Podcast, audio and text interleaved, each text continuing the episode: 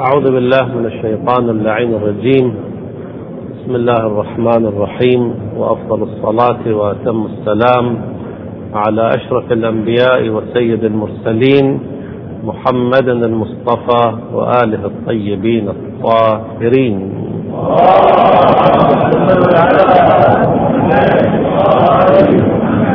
يوم الجمعة وهذه الأيام منتسبة إلى رسول الله صلى الله عليه وآله وسلم. نعم رفع الصوت بالصلوات يذهب بالنفاق. ارفعوا أصواتكم بالصلاة على محمد وآل محمد.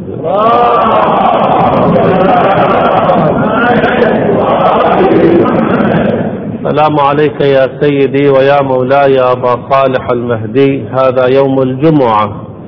وهو يومك المتوقع فيه ظهورك والفرج فيه للمؤمنين وقتل الكافرين بسيفك وأنا فيه يا مولاي ضيفك وجارك. السلام عليكم إخواني أخواتي جميعا ورحمة الله وبركاته. ذكرنا في خطب جمعة سابقة بأنه في يوم الجمعة الإنسان المؤمن يجدد عهده وذكره بولي أمره. لولا الحجة لساقت الأرض بأهلها. من مات ولم يعرف إمام زمانه مات ميتة جاهلية. فإذا هو إمامنا الذي به خرجنا عن ميتة الجاهلية. وهو الإمام الذي سنحشر تحت لوائه يوم القيامة. في عرصات القيامة المؤمنون يفوجون كل فوج مع إمام معاصر لهم نحن أيضا نتشرف بأن نكون تحت لوائه. وهذا الكون تحت اللواء له صورتان. مرة كون قهري يقولون فلان كان معاصرا لإمام زمانه فلان فيحشر تحت لوائه ولكن إمامه ساخط عليه. وفرق بين هذا الإنسان وذلك الذي يكون تحت لوائه وهو من السابقين إلى إرادته والممتثلين لأوامره والساعين إلى قضاء حوائج محبيه وشيعته. نتمنى في ذلك الموقف العصيب حيث كل واحد منها يذهل عمن عمن حوله نكون من أقرب الناس إلى لوائه صلوات الله وسلامه عليه. من الضروري إخواني جدا أن نعرف وظائفنا في زمان الغيبة. النجاح في العمل كونوا إخواني معي جيدا النجاح في العمل فرع النجاح في المعرفة. أنا أعرف بعض الإخوان لهم مشاريع بنائية كبيرة إما منزله أو مشروعه. سنوات لعل سنتين وهو يبحث في المخطط يناقش فلان وفلان ليصل إلى مخطط جامع مانع. ثم العمل وأنتم تعرفون في عالم الإنشائيات لعل سنوات التنفيذ بعض الأوقات تساوي سنوات التخطيط. إذا البرمجة المعرفة أمر ضروري جدا. الذي يمشي على غير بصيرة وهدى كما تعرفون في الخبر المعروف لا تزيده كثرة السير إلا بعدا. والمصيبة إخواني في زمان الغيبة أن الذي من الممكن أن نفتري عليه الذي من الممكن أن ندعي الاتصال به أو السفارة عنه كما وقع كثيرا في زمان الغيبة رب العالمين لم يأذن له بالتكذيب وإلا لو ظهر الإمام في الملأ العام وقال فلان مفتر كذاب. لانتهت المشكلة. المشكلة أنه في زمان الغيبة رب العالمين لم يأذن له بإظهار دعوته صريحا ومن هنا كثر الدجالون والكذابون. ومن المعروف في أوساطنا نحن رأينا الذين ادعوا هذه الفرية الكبيرة رب العالمين فضحهم في الدنيا قبل الآخرة. معروف أن الذي يقول سلوني قبل أن تفقدوني الذي يدعي العلم الكثير هذا يفتضح لأن هذا من صفات المعصوم والذي أيضا يدعي الانتساب إلى ذلك الوجود المبارك انتسابا خاصا أيضا يدخل في هذه الدائرة. ولطالما ورد عن أئمة أهل البيت وخصوصا الإمام المهدي عليه السلام تكذيب الذين يدعون المشاهدة له. طبعا المشاهدة الاتفاقية كما وقع لكثير من المؤمنين. الآن لا دليل على بطلانه ولكن الكلام في الانتساب الخاص. ومن الغريب أن في هذه الأيام وفي بلاد شتى نلاحظ أن هذه الحركة آخذة في المد ولا يعلم إلى أين ينتهي. دعوى الانتساب إليه إخواني دعوة خطيرة جدا وما الداعي إلى ذلك؟ أنت إذا أردت أن تعمل بما يرضيه فاعمل بقول من جعل حجة بينك وبين الله مراجع التقليد. على تعددهم نحن نعلم أن الأعلم الواقع عند الله أعلم واحد. ولكن المجتهدون كثيرون كل يرى أنه هو الأعلم ولا ضير في ذلك. نعم فإذا الطريق الطبيعي إلى نصرته وتأييده ما ذكرناه ننتقل إلى صلب الحديث من موارد التعرف على آرائه إن صح التعبير.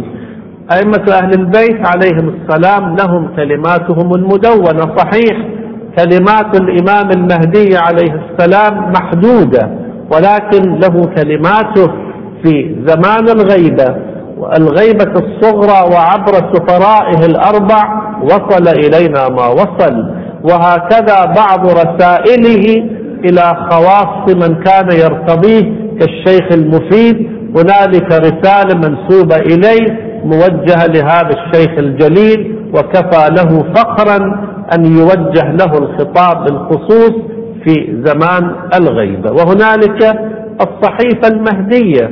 علماؤنا في هذا العصر جزاهم الله خيرا. تيسرت وسائل المعرفة والتحقيق. هنالك الصحيفة السجادية والصحيفة الصادقية والصحيفة المهدوية. كم من الجميل أن ينهج الإنسان بأدعية منسوبة إلى إمام زمانه صلوات الله وسلامه عليه. اخترت لكم في هذا اليوم وأنتم تعرفون أن بناءنا على الاقتصار في الحديث بعض ما نقل عنه في زمان الغيبة طبعا قبل أن أنقل هذه الروايات أو هذه النصوص أو هذه المراسلات نحن لا نقول بأنها روايات قطعية ونرجو أن يكون هذا المعنى معروفا عند الإخوان جميعا. رواية في كتاب وله قائل في الاحتجاج في البحار في غيره. هذه الروايات لأنها لا تستبطن حكما إلزاميا تحريميا أو إيجابيا لا ضير في نقله. نحن لسنا في مقام الإفتاء. المفتي لا بد أن يتقن دراسة السند والمتن والتعارض وغير ذلك.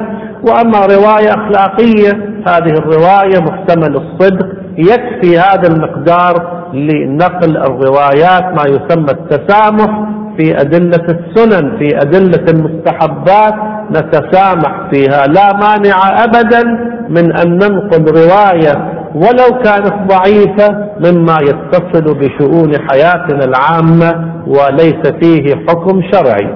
من كلماته صلوات الله وسلامه عليه في زمان الغيبة ولو أن أشياعنا وفقهم الله لطاعته. أنا أحب أن نتعلم فقه الحديث. كل كلمة من كلمات أئمة أهل البيت عليهم السلام ترمز إلى قاعدة وترمز إلى حكمة. هؤلاء معادن كلمات الله عز وجل. هؤلاء تربية القرآن والنبي الأكرم. كلماتهم كلها متقنة ومصبوبة صبا محكما.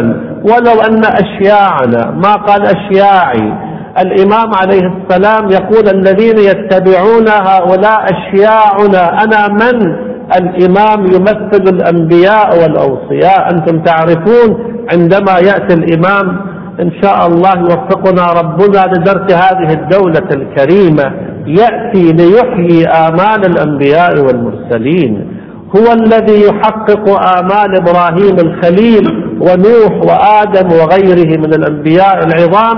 ولهذا رب العالمين ادخر نبيا من أنبياء وهو عيسى عليه السلام.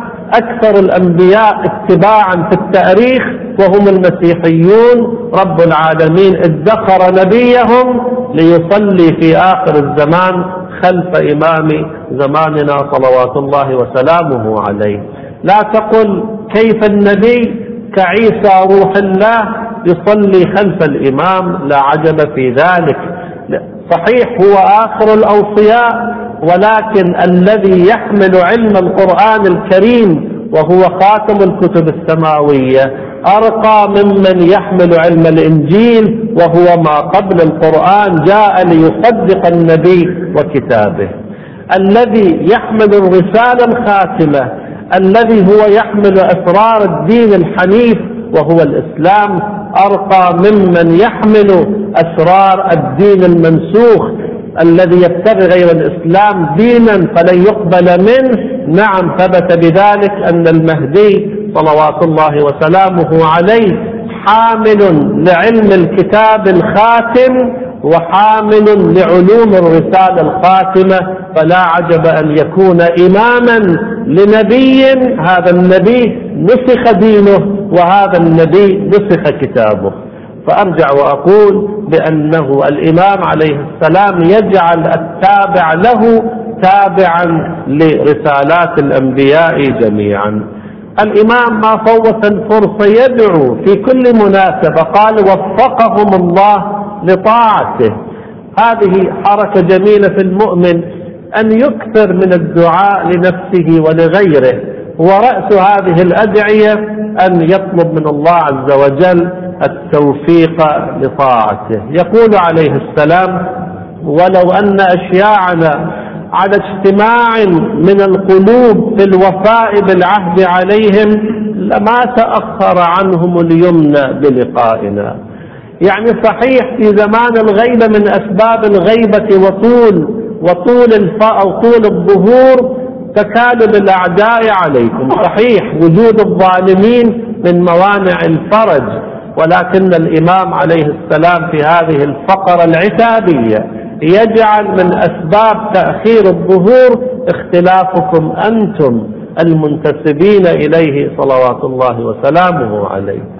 حقيقة الإنسان في زمان الغيبة إخواني أنا قلت لإخواني مرارا وتكرارا ليس هنالك أحد يمثل العرش ليس هنالك أحد يحتل لقب الناطق الرسمي بسم الله ورسوله. أنت تحكم بالظواهر لك معطيات معطيات سياسية علمية غير ذلك وهذا له معطيات. إذا اختلفت مع أخيك نعم لا بأس بالخلاف. المشكلة في الاختلاف. لماذا تصر على رأيك؟ أنا عندما أقف أمام إنسان يتكلم في قضية اجتماعية في قضية سياسية في قضية تربوية ويتكلم بملء فيه وكأنه هو الحق الذي ما وراءه حق أقول يا فلان هدئ قليلا. أنت تتكلم على أي معايير؟ جاءك جبرائيل اتصلت بروح القدس. قل هذا رأيي والله العالم. انظروا إلى مراجع التقليد. حفظهم الله جميعا. ما من فتوى عادة هكذا الفتاوى في الأخير. هناك توقيع المجتهد وختم المجتهد ولكن قبل التوقيع يكتب كلمتين يخلص بهما نفسه من أهوال القيامة. ماذا يقول؟ يقول والله العالم انتهى الموضوع. مجتهد خبير وهو الذي أعطي أعطي قلما فتوى والناس تقلده يتواضع ويقول والله العالم. سمعت بعض المراجع عندما كان يجيب على الفتوى كانت ترتعش يده. يقول أريد أن أكتب حكم الله عز وجل هذه دعوة كبيرة. ويأتي إنسان فلان على حق فلان على باطل هذا راجح هذا مرجوح هذا مؤمن هذا فاسق من أين لك هذا العلم؟ طبعا مو معنى ذلك أن نعطل الأفكار والتحليلات نتكلم بأدب. ولهذا علماؤنا قالوا كلمة إخواني انتبهوا إلى القاعدة الشرعية. يقول لك الحق أن تقيم فعل أخيك المؤمن بما تشاء. فلان أخطأ فلان تجاوز المصلحة فلان ما أتقن صنع فعله هذا كله جائز وليست هنالك فتوى بتحريم هذا الكلام. انظروا إلى كتب الرجال الشيخ الطوسي وغيرهم من أعلام الطائفة عندما يصل إلى الراوي يقول هذا الراوي كان ينسى في كلامه. هذا الراوي كان فيه خلط كان فيه كذا وكذا. يقيم الراوي لا يفسق تارة الراوي فاسق كاذب وتارة الراوي صادق ولكن كان يخطئ في النقل. كان كثير النسيان. هذا دأب علمائنا طوال التاريخ. إذا لا بأس أبدا بأن تقيم الموقف. بأن تحلل الشخصية وآثار الشخصية. أما أن تتعدى من الفعل إلى الذات هنا النقطة الحمراء هنا الخطورة. ولطالما يأتي الإنسان في عرفات القيامة ويأتيه المؤمن المبتلى إنسان مفلس أتدرون من المفلس؟ قالوا لا يا رسول الله. قال الذي مضمون الرواية الذي يأتي يوم القيامة وله من الأعمال فيعطي هذا من حسناته. ويعطي هذا من حسناته يعني يبقى إنسان مفلس. نعم يأتي المؤمن متورط ويقول يا ربي فلان اغتابني فلان اتهمني بكذا وكذا وأنا مفلس لا أرضى عنه إلا أن يعطيني حجته هذه السنة. لماذا تورط نفسك بما لا جدوى تحته؟ وخصوصا في بعض الأيام أيام الانتخابات وغير ذلك كأن القلم مرفوع في هذه الأيام. حلل المواقف حلل الآثار حلل النتائج هذا لا بأس في ذلك. ولكن أن تحكم على قلوب الناس رب العالمين ما جعل باطن العبد إلا سرا بين يديه. نعم ومن أطلعه من أوليائه النبي الوصي يعرف أسرار العباد ولكن أنت لا تعرف نفسك. ولا تعرف موقعك من الله ورسوله كيف تعطي الدرجات للأشخاص. هذا درجته كاملة هذا متوسط هذا راسب من أين لك ذلك المؤمن يتوقف عند الشبهات؟ حفظ الله أحد علمائنا الكبار من المراجع سمعت منه يقول كلمة جيدة يقول من يجب لعنه العنوه ومن يجب الترحم عليه ترحموا عليه.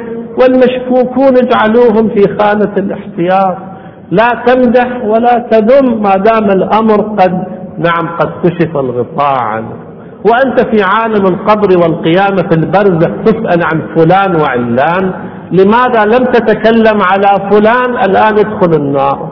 ليس هذا بوارد أبدا. فإذا عليه السلام في هذا التوقيع الشريف يقول ولو أن أشياعنا وفقهم الله لطاعته وكأنها بتعبيرنا الدارج وكأنها نغز لهم أنه نعم التزموا بخط الطاعة نعم وفقهم الله لطاعته على اجتماع من القلوب في الوصائب العهد عليهم لما تأخر عنهم اليمنى بلقائنا وأنا أتمنى في هذا المسجد المبارك وفي كل مساجد المؤمنين وكل من يبلغه صوتي هذا في هذا اليوم. هنيئا لمؤمن ينظر إلى قلبه فلا يرى فيه غلا لأحد. القلب إذا انشغل بالحقد والعداوة لفلان أو علان هذا الإنسان يصلي ومعبوده فلان. المعبود هو الذي نلتفت إليه. يقول الله أكبر وإذا بالخصم أمام عينيه تعرفون في عالم الصلاة الذي يأتي في بالك شخصيتان. كونوا معي جيدا هذه هدية اليوم. الذي يأتي في بالك شخصيتان. إما المحبوب الآن محبوب حبا إنسانيا أو حبا شهويا. والمضموم إذا بغضت إنسان يأتيك رغم أنفك. وإذا أحببت إنسان أو إنسان بالأحرى شاهدي في الإنسانة أيضا تأتيك رغم أنفك. هذه طبيعة القلوب. أحدهم اعترف يقول أنا رأيت امرأة قبل سنوات يبدو نظر إليها بريدة وذهبت هذه المرأة. مر الطريق يقول كلما أريد أن أصلي رب العالمين ابتلاني بذكرها في كل فريضة. نعم رب العالمين هكذا يملأ القلب بما يتناسب مع فعل العبد. إنسان ينظر إلى قلبه فلا يرى فيه شيئا. قبل أيام اليوم رأيت حديث جميل على باب هذا المسجد. ويا ليت كل المساجد تعلق حكم أهل البيت على أبوابها. طبعا هذا الحديث حديث قدسي. إخواني عليكم بمراجعة الأحاديث القدسية. كلمات في منتهى الروعة. والآن لا زاد الحديث. وأنت تخرج على الجهة اليمنى اقرأ هذا الحديث. مضمون الرواية هكذا أن الله عز وجل إذا اطلع على قلب عبد فرأى فيه الغالب ذكره ما هي النتيجة؟ إلا توليت سياسته. توليت سياسته كتب بخط عريض. يعني جزاء الذي يفرغ قلبه من كل شاغل سواه رب العالمين يصبح مربيا له. في المواقع في الندوات في الجلسات في المنتديات. هنالك شكوى هذه الأيام أصبحت موضه عند الشباب هذا الزمان ليس فيه أستاذ ليس فيه مربي. كيف نتكامل مع من نطرح مشاكلنا الروحية والعلمية؟ إلا توليت سياسته. وثم يقول في آخر الحديث مضمون الرواية كنت جليسه وكذا وكذا. رب العالمين يتحول إلى محدث وجليس يا جاري اللصيق يا شفيق يا رفيق. نحن أهملنا هذه المراتب وحرمنا هذه المراتب بسوء اختيارنا. فإذا هنيئا لمؤمن ينظر إلى قلبه فيعيش مشاعر أهل الجنة. أهل الجنة عندما يدخلون الجنة رب العالمين ينزع ما في قلوبهم من غل. لو بقي هذا الغل وأنت في أحضان الحور العين لا تتهنأ بهذه الحورية. تعيش مع الحورية وقلبك يغلي على فلان. وما الفائدة من ذلك إنسان حقيقة بعض الأوقات في بعض الروايات تشير إلى أن الحسود معنى الرواية أن هذا إنسان يعني كأن إنسان سخيف وسفيه. إنسان يحرق نفسه في مقابل نعمة الآخرين. إنسان يحرق نفسه لأنه يحمل غلا على الآخرين. أرجع وأقول أكمل هذه الرواية. يقول لما تأخر عنهم اليمن بلقائنا. أنا أعتقد والله العالم أن تاريخ الغيبة أشبه ما يكون بسلة العملات الأجنبية.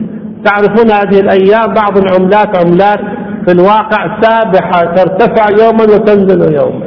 ما المشكلة أن يكون تاريخ الغيبة في علم الله عز وجل تاريخا متأرجحا. بمعنى أن الله عز وجل قدر الظهور في في تلك السنة ولكن لذنوب البعض وتقاعس البعض تأجل هذا التاريخ. وقد رأيت بنفسي في الرواية هذا المعنى. طبعا هذه الرواية بالنسبة إلى بني إسرائيل إلى موسى عليه السلام نعم كتب لهم النجاة ولكن بعد سنوات طويلة. بفعلهم الإيجابي هم بني إسرائيل كانت لهم حركات إيجابية أيضا. رب العالمين قدم النصر لهم. ممكن رب العالمين بل أقول هذا أقولها لكم اجعلوها في في في أعماق قلوبكم لا مانع أبدا. أن الله عز وجل يعجل فرج وليه مئة سنة خمسين عشر سنوات سنة واحدة. ببركات دعوة مؤمن أو مؤمنة. مؤمن متشبث بأديان الكعبة في موسم الحج وهو في ثياب الإحرام دموعه تجري على خديه ويقول يا رب عجل لوليك الفرج من كل وجوده يأتي النداء الإلهي لوليه المهدي. يا أبا صالح المهدي قدمنا من فرجك سنة كاملة لدعوة فلان المتشبث بأستار الكعبة. يا ترى إمامنا ماذا سيعمل معه؟ بما يدعو له هذا الذي صار سببا لفرجه سنة سنتين عشر عشرين وما ذلك على الله بعزيز خزائنه بين الكاف والنون. ولتعجلت لهم السعادة بمشاهدتنا. ثم يؤكد حقيقة هذه الكلمات من الإمام أنا أقول أشبه بالمقتل كيف المقتل يثير البكاء والحزن؟ عتابيات المهدي صلوات الله وسلامه عليه حقيقة تدمي القلوب طبعا القلوب المحبة. لو تأتيك رسالة من ابنك وهو في بلاد الغرب وهو يشكو بعض ما هو فيه الأم عندما تقرأ الرسالة أو المسج كما يقول هذه الأيام أول ما تعمل تبكي لحال ولدها عندما يشكو أمره. إمامنا صلوات الله وسلامه عليه يشكو أمره وأجعل هذه الشكوى ختام حديثي لنجعل ختام مجلسنا هذا. فيه حرقة على هذا العبد الصالح الذي غيب عن مواليه. يقول فما يحبسنا عنهم؟ كونوا معي جيدا في الفقرات الأخيرة هذه. فما يحبسنا عنهم إلا ما يتصل بنا مما نكرهه ولا نؤثره منهم. يتصل بنا. كونوا معي في هذه الفقرة.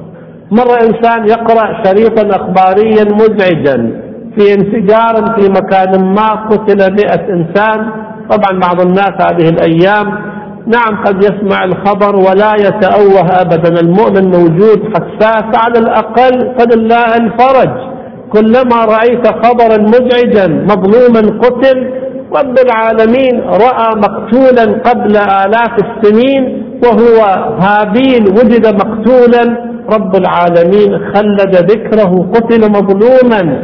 فكيف بإنسان يقتل في بيت من بيوت الله في مشاهد أئمة أهل البيت؟ لا واحد لا اثنين عشرات لا رجل لا امرأة لا طفل. طبعا أخبار مزعجة. فكيف إذا رأيت في كل ساعة في كل دقيقة شريطا إخباريا مزعجا؟ الإمام عليه السلام هكذا وضعه. في كل يقول في يتصل بنا أخبار مزعجة متصلة. خبرك أنت يكفي أحدنا لو يرتكب في كل يوم ذنبا واحدا. وصاحبه ذنبا صاحبته ذنبا بعدد الموالين. هناك أخبار مزعجة. وأنتم تعرفون الإمام عليه السلام يحمل هم المستضعفين جميعا. قرأتم في دعاء العهد ونقرأ في دعاء العهد وفقنا الله وإياكم لأن نكمله أربعين صباحا. وناصرا لمن لا يجد له ناصرا غيرك. نعم الذي هو مستضعف على وجه الأرض يدخل في خانة اهتماماته صلوات الله وسلامه عليه. وأخيرا أذكر لكم مثال وبهذا المثال ندعو لفرجه. أحب في ختام كلمتي هذه أن نعيش مشاعر الإمام في زمان الغيبة. تصور إخواني ظالم غاشم طاغية دخل المنزل احتل البيت وثم أخرجك من المنزل وحبس أهلك وعيالك وتسلط عليهم وصار أبا غشوما وأنت خارج وأنت ساكن خارج المنزل في حديقة البيت في منطقة خالية تنظر إلى بيتك المحتل وتنظر إلى أهلك وهم من الشباك ينظرون إليك ويستغيثون بك. يقولون أبتاه انقذنا من شر هذا الظالم وأنت مغلول اليدين. ماذا سيجري عليك؟ في كل صباح ومساء تنظر تسمع بكاء وأنين زوجتك وأولادك.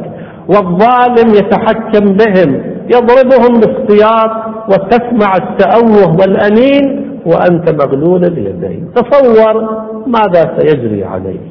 قد تقول لا قدر الله هذا القدر لإنسان لا لمسلم بل لإنسان أبدا. أو تعلم أن حال إمام زمانك في كل عصر حال هكذا إنسان. الأرض بيد غيره. الأرض بيد غيره. الفاسدون يعيثون في الأرض فسادا. ونحن كلما امتد بنا الزمان كلما امتد الظلم والجور. إذا الأرض ليست في يده. وأنصاره وأعوانه يستغيثون به. أنا لا أستبعد أن بعض من يقتل في طاعة الله عز وجل. إنسان مصاب بجروح خطيرة بعد الانفجار وهو ينزف دما ويعلم أنه سيموت بعد لحظات. أنا أحتمل أن الكثير منهم يقول يا أبا صالح المهدي أدركني. الذين قتلوا قبل فترة في انفجار جامع براسة في بغداد هذا الجامع منسوب إليه صلوات الله وسلامه عليه.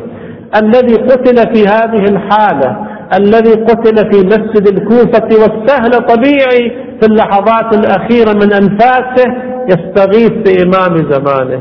وهو يسمع ويرى ولكنه مكتوف اليدين ينتظر فرجه. هذا حاله في زمان الغيبة هنيئا لمن شاطره همه وغمه. اللهم ادخل عليه السرور.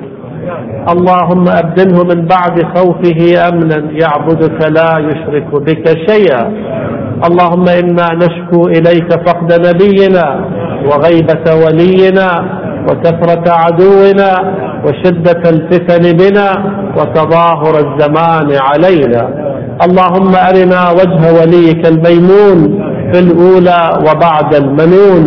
أبلغ سلام هذا الجمع وكل جموع المؤمنين إلى ذلك الوجود الشريف وإلى أرواح المؤمنين والمؤمنات. نهدي لهم جميعا ثواب الفاتحة مع الصلوات.